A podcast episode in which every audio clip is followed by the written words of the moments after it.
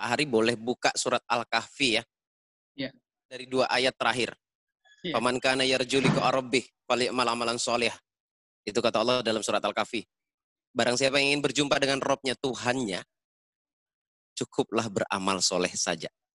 Kalau apa yang Bapak punya, harta Bapak, tapi Bapak gunakan di jalan Tuhan, maka Bapak akan terus mendapatkan manfaatnya meskipun Bapak sudah tidak ada. Assalamualaikum warahmatullahi wabarakatuh. Salam sejahtera. Perkenalkan nama saya Bagus Beraja. Kembali saya mengadakan seminar rahasia keajaiban doa Dengan metode Law of Attraction Yaitu di Yogyakarta Tepatnya di tanggal 2 Agustus Di Hotel Harper Mangkubumi Dari jam 1 siang Sampai jam 9 malam Dan untuk informasi lebih jelasnya Anda bisa cek nomor di sini Hubungi langsung Bu Yanti dan saya mengundang Anda dan mengajak Anda semuanya untuk bisa merubah atau menggali potensi dalam diri. Banyak materi yang bisa Anda dapatkan. Salah satunya adalah menggali potensi dalam diri yaitu dengan kekuatan bawah sadar. Itu yang pertama. Kemudian yang kedua, di sana juga ada terapi, terapi cinta, terapi magnet uang dan lain-lain masih banyak lagi. Kemudian yang ketiga, yang terakhir yaitu praktek law of attraction langsung bersama saya, langsung saya bimbing di sana. Saya tunggu kedatangan Anda semua dengan bahagia Anda, dengan semangat Anda melalui metode rahasia kajian berdoa, bersyukur tanpa syarat, bahagia tanpa syarat. Saya Bagus Baraja. Assalamualaikum warahmatullahi wabarakatuh. Aja. Assalamualaikum warahmatullahi wabarakatuh. Salam sejahtera buat semuanya ya. Waalaikumsalam warahmatullahi Enggak ada orang baru sih. Jadi ini sebenarnya pertemuan free, tapi saya lihat ada pembahasan menarik ini dari satu buku Getting Rich. Ya intinya bagaimana cara kaya lah. Semuanya pingin kaya nggak di sini nih? Pak Hari pingin kaya nggak? Saya tanya dulu. Saya tanya dulu. Kepengen kaya malah lebih kaya lagi, Master. Woi, mantap. Bu Selamat Yanti dunia akhirat pasti. gitu tapi. Oh iya, iya. siap. Amin. Bu Yanti udah pasti. Bu Yanti bikin kaya nggak ini?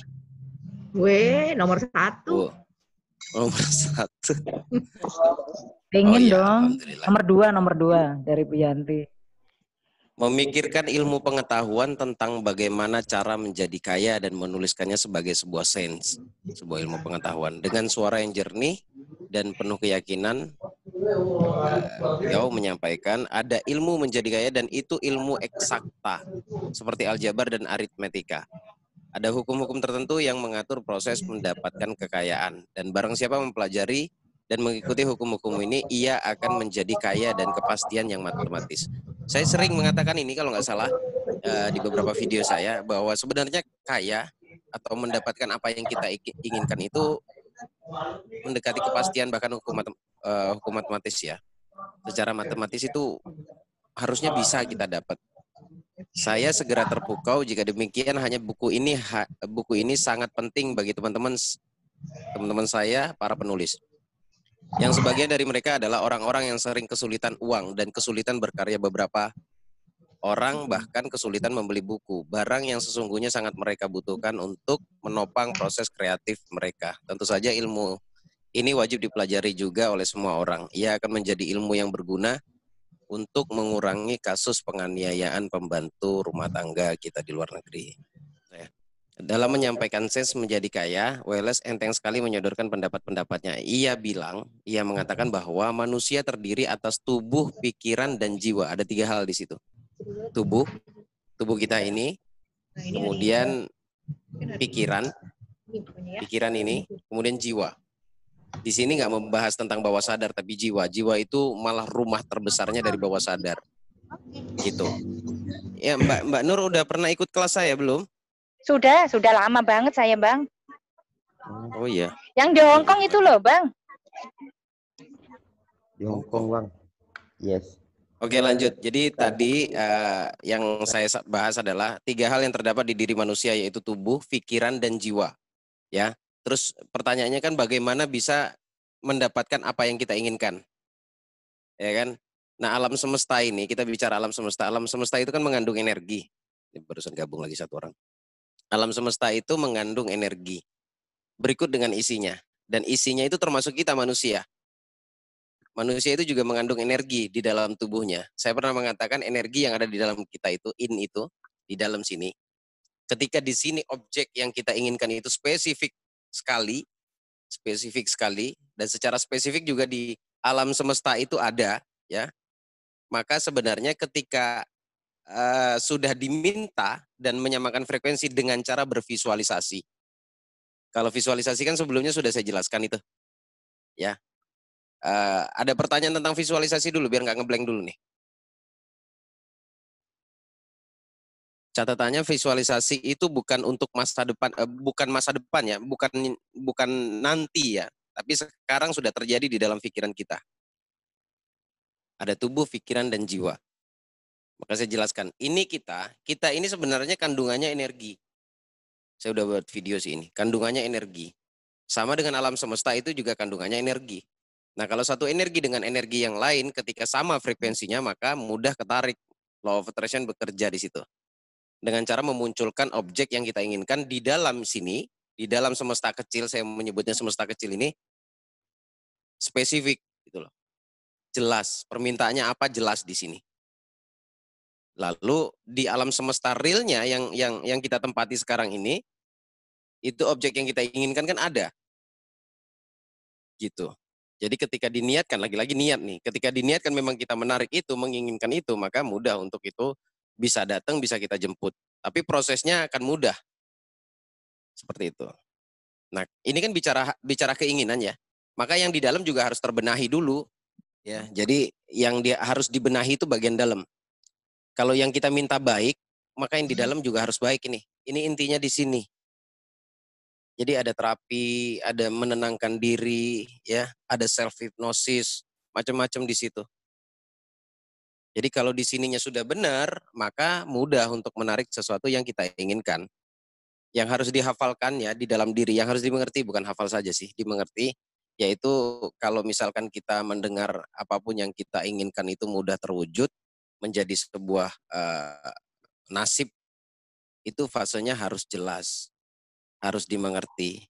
Jadi kita bisa berhati-hati. Apa yang kita pikirkan itu akan keluar menjadi sebuah perkataan bicara kata, bicara self talk dan afirmasi ya. Jadi apa pun yang kita katakan itu akan keluar menjadi tindakan action, baik disadari maupun tidak. Dan kemudian setelah action itu kalau itu dilakukan berulang maka itu bisa menjadi kebiasaan kita kekuatan repetisi yang kemarin saya bahas di grup itu loh. Jadi kekuatan repetisi, the power of repetisi pengulangan atau istiqomah itu dahsyat sekali itu. Jadi jangan dianggap enteng. Nah, setelah menjadi habit dan kebiasaan itu bisa membentuk atau menjadikan karakter di dalam diri kita. Nah, karakter itulah yang menentukan bahwa kita uh, mendapati nasib ya yang kita jalani hari ini. Maka benar kalau misalkan yang terjadi hari ini adalah hasil permintaan kita di masa lalu. Lalu pertanyaannya bagaimana masa depan kita? Nah, ini yang menarik. Ini yang menarik. Jadi masa depan kita itu kita tentukan sekarang. Seperti apa yang kita inginkan kelak kita di masa yang akan datang. Jadi itu kembali lagi kepada diri kita. Nah, yang berlalu biarlah berlalu dan yang eh, masa yang akan datang tergantung hari ini kita meramal diri kita ingin seperti apa suatu suatu saat kelak. Dan di dalam visualisasi itu nggak ada kata nanti ya. Jadi di dalam visualisasi itu kita merangkai sebuah cerita dan kita menjadi aktornya di sana dan sudah dirasakan sudah terjadi, bukan akan terjadi. Bukan nanti, kelak suatu saat saya akan begini. Itu bukan itu bukan visualisasi, itu masih berhayal itu. Ya, jadi kita benar-benar merasakan uh, lima tahun ke depan saya menjadi bos besar, saya menjadi kaya raya dengan bahagia. Itu di dalam cerita visualisasi itu begitu nyatanya gitu loh.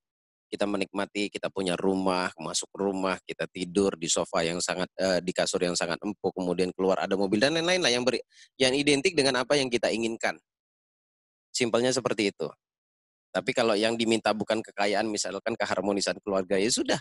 Uh, buat di dalam pikiran, di dalam imajinasi, di dalam visualisasi itu bahwa sekarang kita dengan pasangan kita itu sudah baik banget gitu loh. Nah ini yang yang saya bilang adalah uh, kerjasamanya antara tubuh, pikiran, dan jiwa. Tubuh yang dimaksud masuknya pada kategori action tadi. Kalau pikiran itu yang pertama, kemudian menjadi sebuah perkataan. Kalau jiwa ini yang menentukan dari semua fase tadi yang saya sebutkan. Sampai di sini ada pertanyaan? Sudah bisa langsung dibuka pertanyaannya ini. Oke, Assalamualaikum Master. Waalaikumsalam Pak Hari. Pak Ustadz. Ya.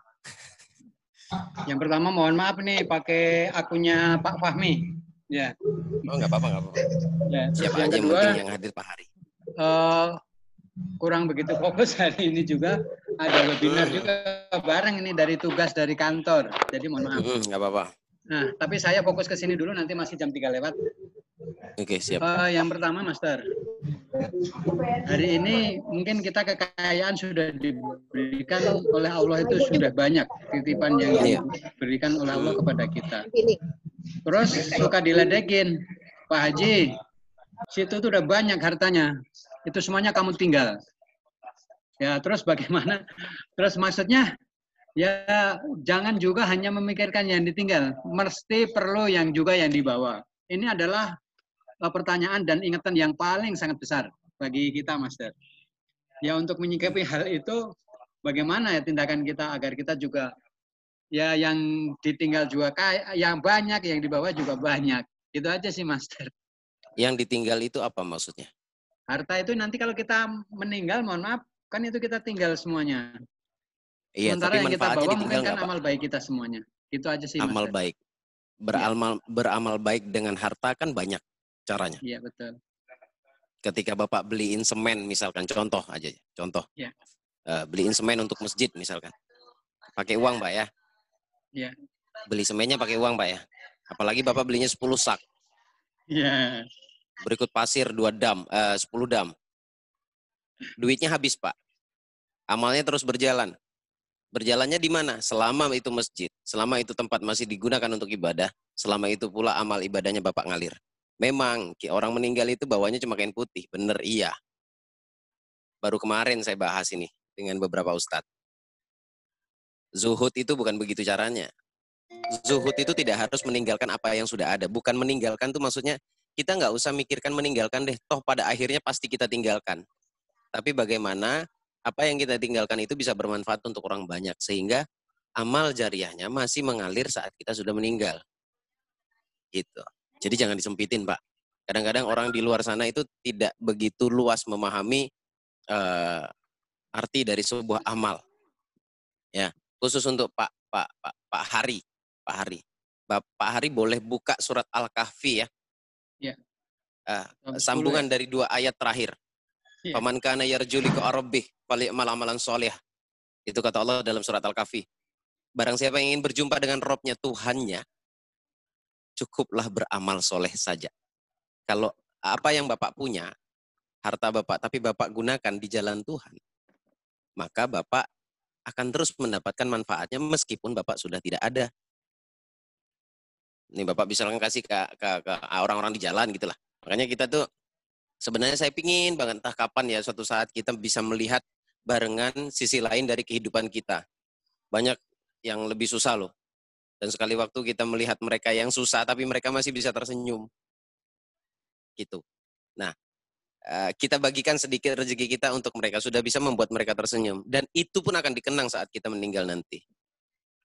Gitu, Pak. Memang benar pada akhirnya orang meninggal itu nggak bawa apa-apa. Benar kecuali amalnya. Nah, kalau tidak berbuat amal dengan dengan apa yang kita miliki, ya, contoh, misalkan Bapak punya harta nih, 100 juta, tapi Bapak simpen, ya benar, memang itu nggak bermanfaat.